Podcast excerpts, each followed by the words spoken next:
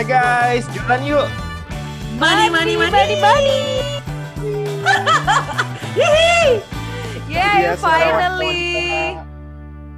Itu Finally kita di sini. Hai, apa kabar semuanya?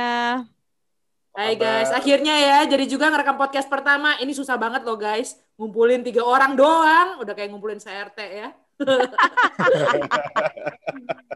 Orang-orang pengabdi ya. duit semua nih. Pengabdi duit ya, Bo, kita. Eh, sebelumnya kenalan lah yuk semuanya supaya kita semua yang dengar bisa tahu siapa sih kita nih sebelum kita mulai. Boleh, boleh. Siapa dulu kok? Iya, kita pemirsa. ya. Berdasarkan apa nih? Berdasarkan umur? Kegantengan ya cuma Riko. Yoi, kalau umur gue paling terakhir. Nggak tahu diri. Halo pemirsa, gue Riko, Riko Rahman, biasa dipanggil Riko. Gue suka kerja, kalau nggak gue suka nonton tenis, kalau nggak gue jualan. Udah itu aja sih. Lagi nggak? Oke.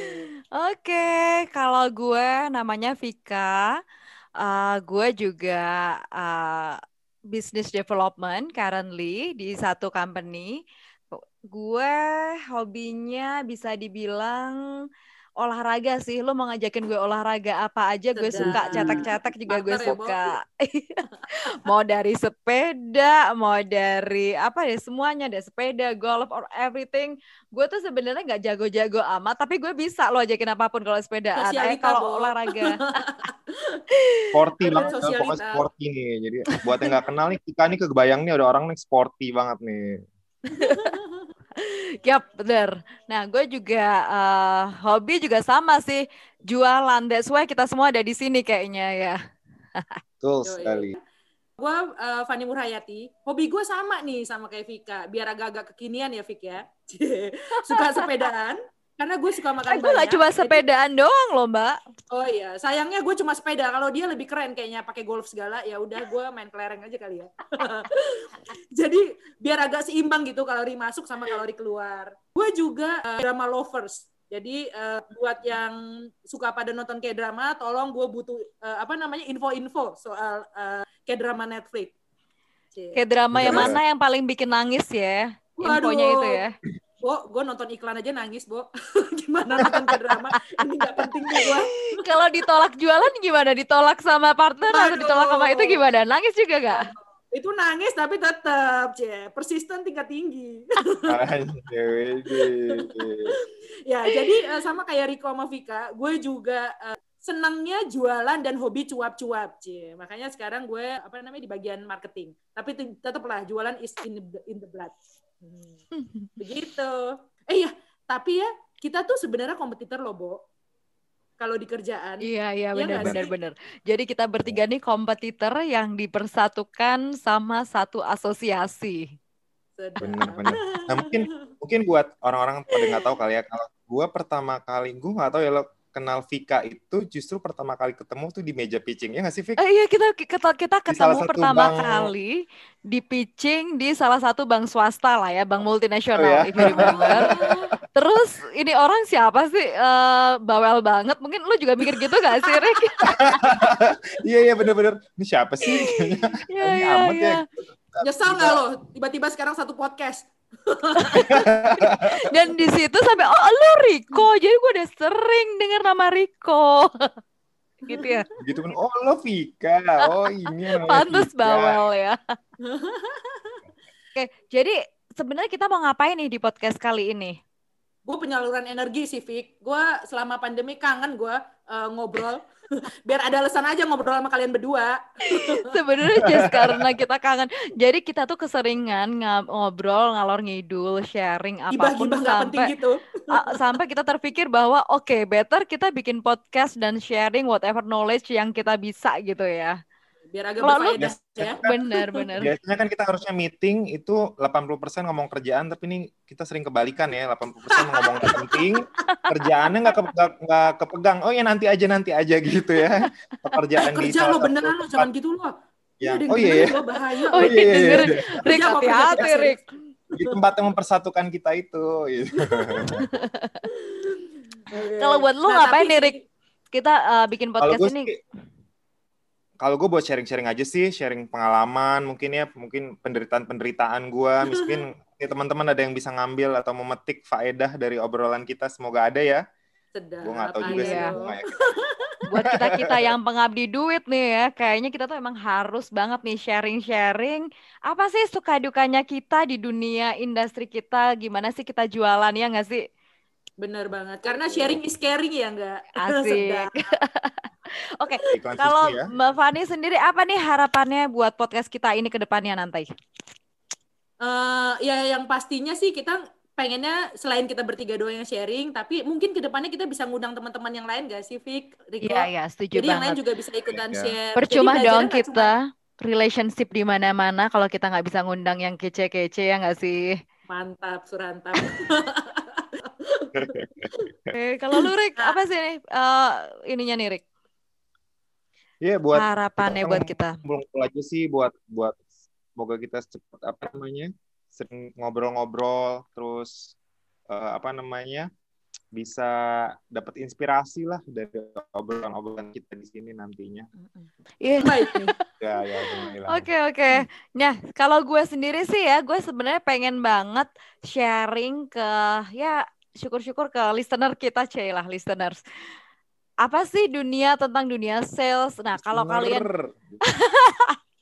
kalau dunia B2C itu kan udah banyak eh, mungkin yang eh, baru dengar kita ini bertiga dunia jualannya agak berbeda kali ya mungkin kita share kita jualannya lebih banyak ke company lain jadi atau mungkin lebih familiarnya dengan B2B ya B2B ya. Exactly nah kalau B2C itu udah banyak betul. banget B2C itu yang kayak langsung jualan ke consumer kayak gitu ya itu udah banyak banget tuh podcast-podcast yang ngobrolin itu nah kita akan sharing yang agak beda nih gimana sih cara sukses jualan di dunia B2B keren nggak tuh Keren banget. Waduh. Tapi ya, tapi ya, ya. kita juga ada B2C juga loh, Bo.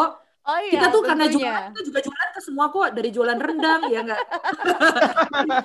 Yang kita lain, cover. Jadi di sini Kita- mungkin agak ada kok. bener bener bener. Jadi di sini tetap ada yang ahlinya si Rico ini nih. Dia nggak cuma jago di B2B tapi B2C-nya Bo. Dia jualan apa Semua yang juga nggak dijual sama dia? Kalau gue mungkin bukan lebih buat sharing jagonya ya, mungkin lebih penderitaan tadi ya. Jadi tahu di balik eh, jualan B2B yang proyeknya mungkin nilainya gede gitu ya. Di balik itu ada perjalanan yang eh, sedikit mungkin di sini sedikit undercover ya. Sales undercover mungkin ya nama ini jualannya ya, nama podcast kita. Iya. Oke. Gitu. Eh, terus-terus ya, gue tuh dari tadi inget-inget ya, kapan sih jualan pertama? Agak-agak lupa sih. Ada yang kayak, eh, mungkin Riko atau Vika ada yang mau cerita nggak tentang Eh, gue jualan cerita, kalian gue cerita gimana? ya. Jadi Boleh, ini boleh, agak boleh. menarik ya. Eh, gue ini Agak sebenarnya menarik dong. Oh menarik menarik oke oke oke benar-benar menarik nih. Jadi gue ini sebenarnya lulusan dari uh, salah satu teknologi hasil pangan di perairan. Cukup benar nggak sih? Perairan. Yang lulusannya, yes, lulusannya kebanyakan itu masuk ke FMCG, jadi uh, kebanyakan mereka jadi R&D. Gue waktu Oh. lulus dulu pertama kali, gue langsung tuh dapat uh, ke sana nih oleh dosen gue, gue dapat uh, lowongan di sana langsung masuk. But gue nggak dapat banget nih passion gue apaan nih kayak gini, gue nggak bisa, gue nggak bisa. Sampai one day gue dapat tawaran masuk jadi sales asuransi, Bo. Bayangin dong dari yang kayak gitu dan sales asuransi. But surprising, surprisingly gila, gue happy banget jadi sales asuransi yang kata orang apaan sih ini sales asuransi. Di situ gue dapat banget passion gue. Oh no no no, ini gue cinta banget Oh, sama jualan. Jadi kelihatan itu ya. pertama kali gue jualan adalah jualan asuransi yang kata orang susah banget dan itu di mana gue nemuin oh no, my passion is selling. Dari situ sih gue mulai cinta jualan. Habis itu semua karir gue dimulai dari sales dan kemudian ke business development. Gue ganti-ganti industri sih, cuman tetap aja di bagiannya nggak jauh-jauh dari ya. sales dan business Jualan ya. development. Exactly, Jualan is in the blood ya, Vic? exactly. Semuanya gue jual. Rico juga bisa gak sih? Kalau lu gimana, Rick? Kalau gue tuh mungkin flashback ya, gue lebih awal lagi dulu dari waktu kecil itu gue udah terlihat sekali bakatnya mungkin ya, mungkin eh, Wow. gue entah gimana gitu ya. Waktu kecil gue kelas gue inget banget kelas 4 SD apa 5 SD gue udah jual. Jadi nyokap gue beliin buku mewarnai, gue fotokopi terus gue jualin. Keren, keren, nyokap gue keren. gak tahu deh, nyokap gue gak denger podcast ini ya. Jadi tuh gue jualin, terus eh, ya udah jadinya itu jadinya eh, jadi untung deh jadinya. Terus gue juga pernah juga jualan eh, waktu SMA jualan kaset bajakan, aduh mau maaf ya, jadi gue beli MP3 Waduh, terus Riko. jadi tuh sampai nanti gue juga pernah jualan asuransi, jualan macam-macam lah sampai kalau yang sekarang pekerjaannya jualan uh, corporate. Tapi pertama kali banget tuh gue jualan kayak gitu, jualan buku mewarnai, jualan kartu. Uh, jadi sama adek gue tuh dulu kan waktu zaman kita kecil tuh ada kertas file ya, itu zaman yang kertas file yang gambar-gambar gitu kan. Itu Kertas kan surat gitu ya. Sanrio warna-warni. Cie, Yang warna- itu tuh Zaman bahala di- banget ya. Yang dijualin ya dijualin gitu jadi bukannya diin tapi dijualin tuh juga juga suka kayak gitu gitu jadi dari dulu banget emang udah udah seneng aja gitu padahal nggak tahu untung apa enggak tapi seneng aja jualan gitu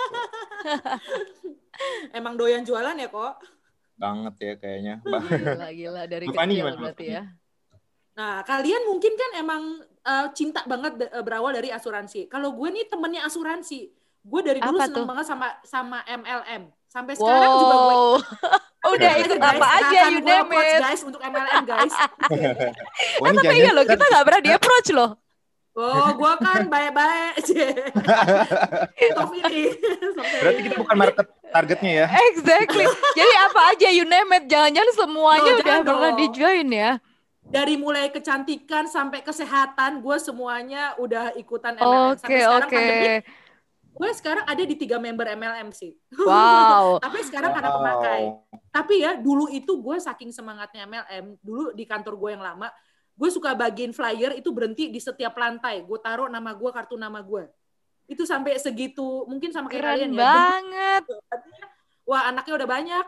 Cuman karena gue dulu eh, lupa renew, jadi lupa ngurusin, akhirnya buy deh. jadi karena itulah. Gitu. Itu kalau misalkan soal MLM-nya ya, tapi ya balik lagi. eh, kalau soal kerjaan sebenarnya jualan produk atau ke company, em, itu dua-duanya harus sama-sama persisten nggak sih? Jadi nggak boleh gampang menyerah ya, Bo. Pastinya nggak? dong, Jadi, pastinya. Kalau nggak berhasil masuk lewat pintu, jangan lupa masih ada jendela, tapi tetap harus sopan ya, pakai permisi. Nonggoy kayak. Dan jualan itu lain kali ya. exactly dan jualan itu deket banget sama kata-kata ditolak nggak sih? Jadi exactly Banget. kayak- tadi kata Fani, persisten itu harus jadi nomor satu sebenarnya. Yo, ditolak, eh, ditolak is our middle name ya kayaknya ya. Nggak Ditolak dan kita tetap jualan. senyum ya. Iya, tetap. Tetap Jangan cengengesan gitu. pantang Tetap menyerah. cengengesan. Eh lo ada nggak sih pernah approach klien yang bertahun-tahun gue ada. Eh, meng-approach pun juga nggak langsung jadi sometimes. Kadang-kadang efeknya suka nanti nanti jadi emang harus sabar. Nah, itu tuh di Indonesia kayaknya masalah relationship it's matter ya. Jadi Bener kayak lo tuh bener-bener yang penting lo uh, as a client atau kita sebutnya apa sih kalau di sini klien ya atau consumer Klien. mungkin prospek, ya. Prospek, prospek. Expert kali ya. Oke, prospek. Wow, banyak banget nih istilahnya. Oke, kita pakai prospek. Jadi Banyak Apa banget. nih janjian dong? Yang benar dong. jadi istilahnya kalaupun kita nge-approach mereka tuh nggak cuma just karena lo approach kemudian uh, lo pengen cepet closing dengan mereka enggak gitu. Di kita tuh kayaknya yang penting kita uh, build relationship dulu entah kapan yang Setuju penting kita banget. sudah sudah tahu nih kebutuhannya dia apa, kapan dia butuh. Yang penting dia tahu dan kalau dia butuh kita adalah orang pertama yang akan dia uh, cari. Betul. Gitu nggak sih? Setuju banget gila. Setuju Dan yang banget. paling penting juga dia tahu kita dan sadar keberadaan kita bahwa kita juga Tuh. ada di pertimbangan mereka. gitu. Iya. Jadi once dia trust kita, uh, waktu di satu company dia beli kita, nah waktu dia pindah ke company lain juga kadang-kadang mereka juga akan colek-colek kita nggak sih? Wow, colek. Jadi Colek tuh maksudnya kita dipanggil, dicari lah ya. yoi. Jadi building network itu memang benar-benar harus ini ya Fik ya. Exactly, it's very harus important untuk jualan. Yoi. Ini sebenarnya uh, simple sih pertanyaan gue ke kalian nih. Kenapa sih kalian suka jualan? Hal apa yang bikin kalian suka jualan sebenarnya? Kalau gue suka jualan tuh sebenarnya balik lagi ya, karena gue tuh orangnya seneng banget ngobrol. Jadi kalau misalkan jualan itu kan kita ngobrol sama orang, cari tahu tentang orang tersebut. Ya balik lagi tadi yang kayak Passionnya tersalurkan ya. Tapi passion tersalurkan dan berbayar ya, Bo. Gak cuma tersalurkan. Yo, jadi once kita deket sama dia, kita building trust sama dia. Jadi we are acting as a partner. Jadi mau kita pindah ke mana pun, dia tetap melihat, oh nih orang kayaknya nggak cuma jualan, tapi bisa uh, someone yang bisa dipercaya. I Gitu. see. Ya. Berat banget nggak ya? Maaf Agak ya. berat sih. Kalau Riko kenapa Rik? Kalau kalau gue tuh lebih puas aja gitu ketika lo melakukan menjual sesuatu terus deal dengan seseorang entah itu jualan apa pun itu ya apalagi ke corporate gitu ya ke klien gitu atau ke customer itu tuh pas deal dan mereka setuju gitu itu kayaknya ada rasa kepuasan yang gua nggak bisa ungkapin dengan kata-kata gitu kayaknya Benar. gimana ya? Benar. lo pasti Exactly, berdua pasti paham exactly. lah ya rasanya Iya, gimana iya, iya. Benar, Betul, Eh, betul. rasanya Perasaan tuh kayak re- rekening bertambah gitu rasanya ya insentif ya maksudnya ya. Aduh. Sama perasaan bisa ngeyakinin orang ya kok semacam eh, Iya. berhasil jadi influencer gitu. Cie. Iya, iya. Bener sih, bener banget. Kalau gue Kalau tuh ya, Fik gimana Fik? Nah, kalau gue itu sebenarnya gue mulai dari hobi gue nongkrong. Ya, jadi kayak gue tuh suka aja Hmm. gitu ketemu banyak temen, ketemu banyak orang. E- Exactly, ketemu banyak orang itu buat gue nambah wawasan gue banget gitu. Nah, dari situ, dari ketemu orang itu, nah gue tuh pertama kali pasti gue akan lebih ke building, balik lagi ya tadi ya, relationship dulu yang gue building. Kalau Benar. udah tahu relationship, gue udah tahu nih butuh lo apa semuanya, gue gue lebih ngegali itu lebih mudah.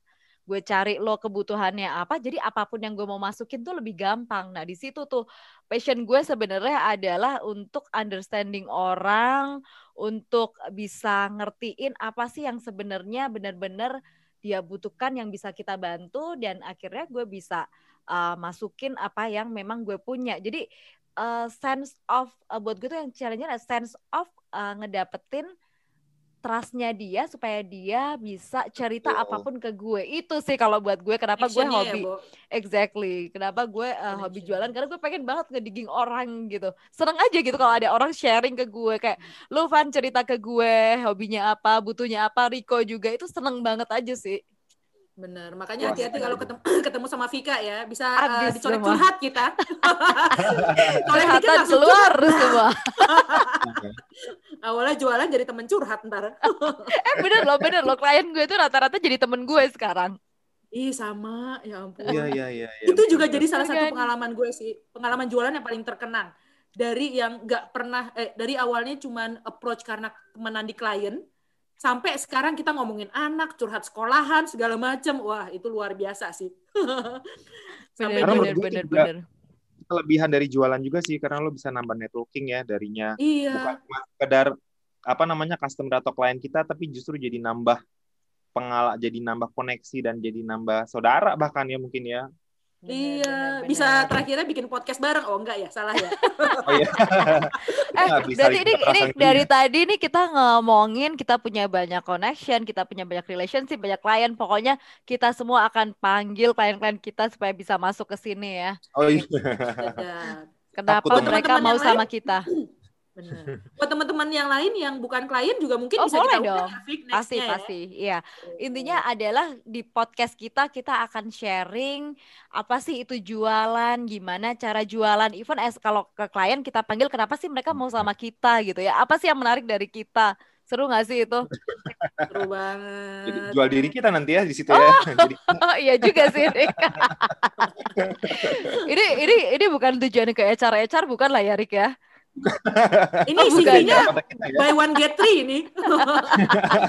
Dapat tiga-tiganya langsung. Betul betul betul. Bet- Nah kalau kalian sendiri ada nggak sih kayak eh, jualan apa atau entah itu mungkin ketika kalian di eh, kantor atau yang personal kalian jualan yang sampai sekarang tuh masih kalian kayak terkenang aja kayak memorable banget gitu. Ada nggak Rik? Kalau gue sih banyak ya. Biasanya tuh mungkin kalau jualan itu pasti deket banget sama yang namanya rasa nervous gitu. Kayak iya, grogi. Mhm. Menurut gue Iya, itu iya. gue alamin di sepanjang gue jualan. Nah, gue mau cerita aja waktu itu tuh kejadiannya ini bukan di kerjaan kantoran untungnya ya. Mungkin kalau kantoran eh, keringet dingin kayak gitu ya semacam itu atau tiba-tiba ngomongnya nggak jelas a i u e o. Nah, gue juga pernah dulu tiba-tiba gitu ya di kantoran udah fasih terus gue berikut jualan di suatu bazar gitu. Gue tiba-tiba ikutlah dengan teman-teman gue dengan sedikit eh, menggampangkan gue jualan es krim potong Singapura yang waktu itu lagi ngehits kan. Sedap. Terus- Oke. ketika itu adalah ada acara memang ada suatu sekolah musik yang lagi ulang tahun dan rame gitu jadi anak temen gue tuh eh, salah satu pengisinya jadi gue ikut aja tuh oh gue mau jualan ini dong ya udah deh gitu terus mana nih nggak ada yang beli gitu ya di situ gue nah di situ eh, karena lama nggak ada yang beli pas ada yang datang saking gue groginya, saking gue nervousnya pas ada yang pertama beli, gue potong es krimnya, es krimnya lompat. Ya ampun. Jadi Kamu bikin rugi. Iya. itu kayak pelajaran buat gue how to manage nervous ya, karena nervous itu akan terus Bener, terus ada bener, ketika bener. lo atau lo menawarkan sesuatu karena di apa di kepala itu kan udah kita udah kayak mikirin aduh jadi nggak ya jadi nggak ya? Kayak dia bakal beli nggak ya dia bakal ini nggak ya gitu. Jadi itu tuh pengalaman itu sih yang yang gue nggak pernah lupa sih. Kayak keringet dinginnya itu tuh nggak akan lupa sih. Pasti semua ngalamin ya. Ada lah pasti, apalagi Iya. kalau lagi depan klien gue kalau lagi pitching, lagi presentasi, terus yang datang tiba-tiba CEO, oke, keringat dingin nih. mana nih Iya. Kalau lu Mbak Fani ada nggak apa sih yang seru? Parah sih. Kalau misalkan jualan yang paling terkenang tuh gue prosesnya untuk cold call. Iya nggak sih? Pasti kan Banget, setiap ya, orang, iya, iya. Bener-bener. Kalau misalkan untuk sales itu kan kita pasti ada cold call-nya ya. Dulu Iya. gue awal-awal kalau untuk cold call, Nah, gue tuh sampai ini nulis- kayaknya nanti- harus tulis word by word. Jadi kayak kira-kira ngomong apa ya, terus gue latihan dulu. di betul WC. Eh, kalau dia jawabnya ini, gue balasnya gini. Tapi sih menurut gue yang paling penting first impression mungkin ya kayak satu menit pertama itu sangat ngaruh. Kayak greeting kita, cara pengenalan kita. Jadi hooknya itu loh. Tapi ya yang paling terkenal soal eh, terkenang banget soal cold call sih. Bener-bener itu kadang paling serem sih ya emang ya. Yo, ya lo ngubungin orang nggak dikenal terus tiba-tiba lo Mhm. udah waduh gimana nih gimana nih gitu ya benar.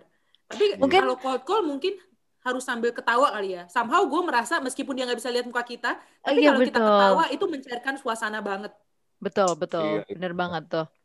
Mungkin nanti di podcast-podcast kita selanjutnya kita akan bahas detail nih apa sih cold, cold calling, kemudian prosesnya gimana sih dari awal mula kita bisa uh, dapat uh, klien dari eh, kita nyari klien sampai kita dapat uh, pitchingnya atau dapat projectnya itu seperti apa nanti di podcast-podcast kita selanjutnya akan kita share juga ya. Benar. Nah, Bener kan banget. baru episode benar. pertama ya ini baru Ini introduction baru ya. perkenalan sih Akan ada basically. masing-masing yang setiap episode akan membahas dengan dalam ya Bener. Nah, kalau gue sendiri ya, gue tuh yang paling terkenal sebenarnya adalah ini sebenarnya agak-agak karena gue agak beda nih ya. Kalau Riko kan punya banyak sharing tentang yang tadi yang langsung ke consumer. Kalau gue memang fully ke ko- corporate-corporate nih klien-klien gue. Jadi mungkin gue waktu itu dapat tantangan ini zaman tahun berapa ya? 2012 or 13 masih awal-awal lah gue kerja. Gue kerja pertama kali tahun 2008 itu gue pindah ke satu company itu tuh uh, multinational company Uh, kerjaan kita adalah telesales jadi gue mulai karir juga di dunia corporate itu di telesales di situ gue Hmm. di dikasih challenge sama bos gue kalau kalian bisa uh, jualan dua uh, klien closing dua klien jadi yang gue jual adalah training buat oil and gas zaman dulu dan Hmm, jualan gue itu di Malaysia sama di Singapura kalau kalian bisa Hmm. jualan dua klien kalian akan dikirim ke KL. Jadi karena itu training, kalau nanti uh, trainingnya jalan, kita akan dikirim buat ngawasin si training itu, Bo. Nah. Hmm. Waktu itu gue masih anak baru, gue di di kantor itu mungkin baru lima hari kali ya. Cuman nggak tahu kenapa Hmm. gue punya feeling nggak, gue harus dapetin. Gue nggak mau tahu caranya gimana, gue harus dapetin. Jadi kayak kita tuh bener-bener once kita sudah ada tekad kayak kita sudah punya goalnya dulu nih, terus gue bener-bener nggak tahu gimana caranya. Gue bener-bener ent- entah lebih gila nelponnya, kayak tadi ya proses cold calling gue lewatin, semuanya gue Mhm. lewatin. Dan again salah satu mungkin salah satu ke uh, bukan keunggulan ya, kayak yang gue suka dari gue tuh gue lebih mudah untuk bikin personal relationship. Iya. sampai finally uh, di hari terakhir challenge itu gue nggak dapat pagi-pagi gue belum dapat dan emang belum dapat belum ada satupun yang dapat di uh, di semua uh, teman-teman gue tapi jam 12 siang tiba-tiba ada HR dari satu company ngirim email ke gue bahwa mereka akan ngirimin dua orang, Bo. Literally dua orang dan itu benar-benar gue nggak tahu kenapa gue kayak thank God, oh my God. Jadi gue kayak bener-bener ngerasa ini nih kalau kita sudah niat, kita sudah punya uh, goal yang mau kita aim, kemudian kita juga benar-benar serius ngejarnya, pasti deh Asisten ya, Bo. Exactly, balik lagi ke persisten, persisten tadi, Bo. Itu pasti deh, gue yakin banget kalau hasil itu nggak pernah ngianatin usaha. Nah, itu yang gue belajar banget dari jualan itu. Itu nggak akan gue Bener lupain dari momen itu sampai sekarang. Jadi gue tuh kalau mau apa-apa harus ada goalnya dulu nih. And how to aim the the, the goal gitu. Apalagi Iya, tuh telesales ya, Fik. Jadi mungkin buat teman-teman yang nggak tahu, bener. telesales itu adalah jualan melalui telepon ya. Jadi nggak ada, nggak ketemu, nggak tatap muka gitu ya. Jadi kita nggak bisa tebar pesona senyum atau apa namanya. Jadi benar-benar pure lewat meyakinkan lewat telepon ya, Fik ya. Iya bener banget ya. Iya, Dan mindset itu sangat penting ya mindset. Maksudnya mindset kita juga harus percaya banget kalau misalkan eh, kita yakin bisa dan jangan takut-takut gitu loh untuk approach. Kadang-kadang kan, aduh nih orang mau Betul, beli betul. produk kita atau service kita nggak ya gitu. Kalau kita udah takut-takut dan setengah hati sendiri sama usaha kita ya biasanya buntut-buntutnya agak challenging. Tapi dengan mindset kita, oke kita bisa, nah biasanya lebih dimudahkan. Sedap. Bener, bener, bener. Percaya sama kemampuan kita, ya nggak sih? Gitu Ya, itu balik lagi kita tuh. ya. Oke, oke. Seru ya obrolan kita hari ini. Aduh, Banyak Semoga sih ya yang dengerin juga. tuh sales Exactly. atau jualan tuh banyak banget ya aspeknya luas banget ya.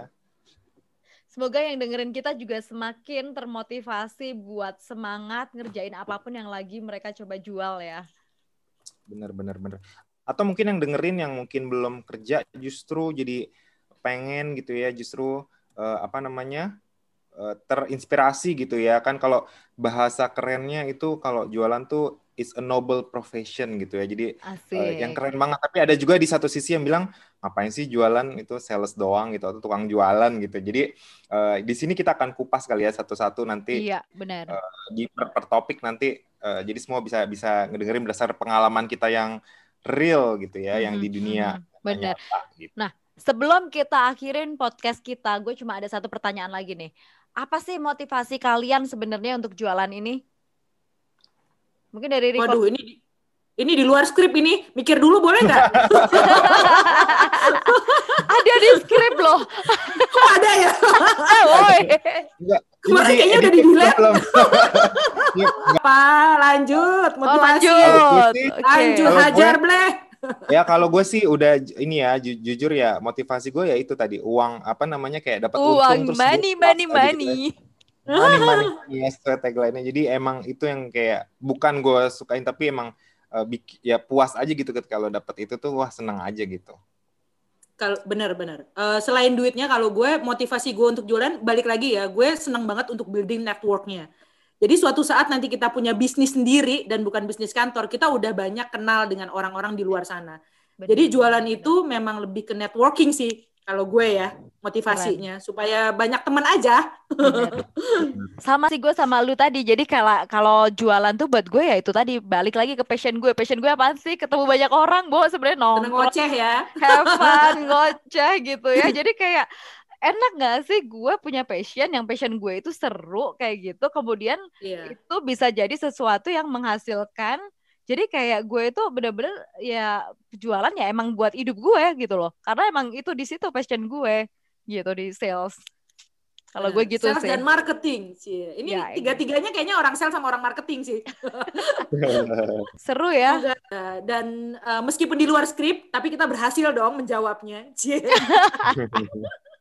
Dan semoga pada ngedengerin kita, eh apa mas sedikit faedah ya dari Ya, obrolan adalah. kita. Betul. Adalah faedahnya dikit ya, Bo. nggak buang-buang kuota ya dengerin Yoi. podcast ini mudah-mudahan ya Exactly.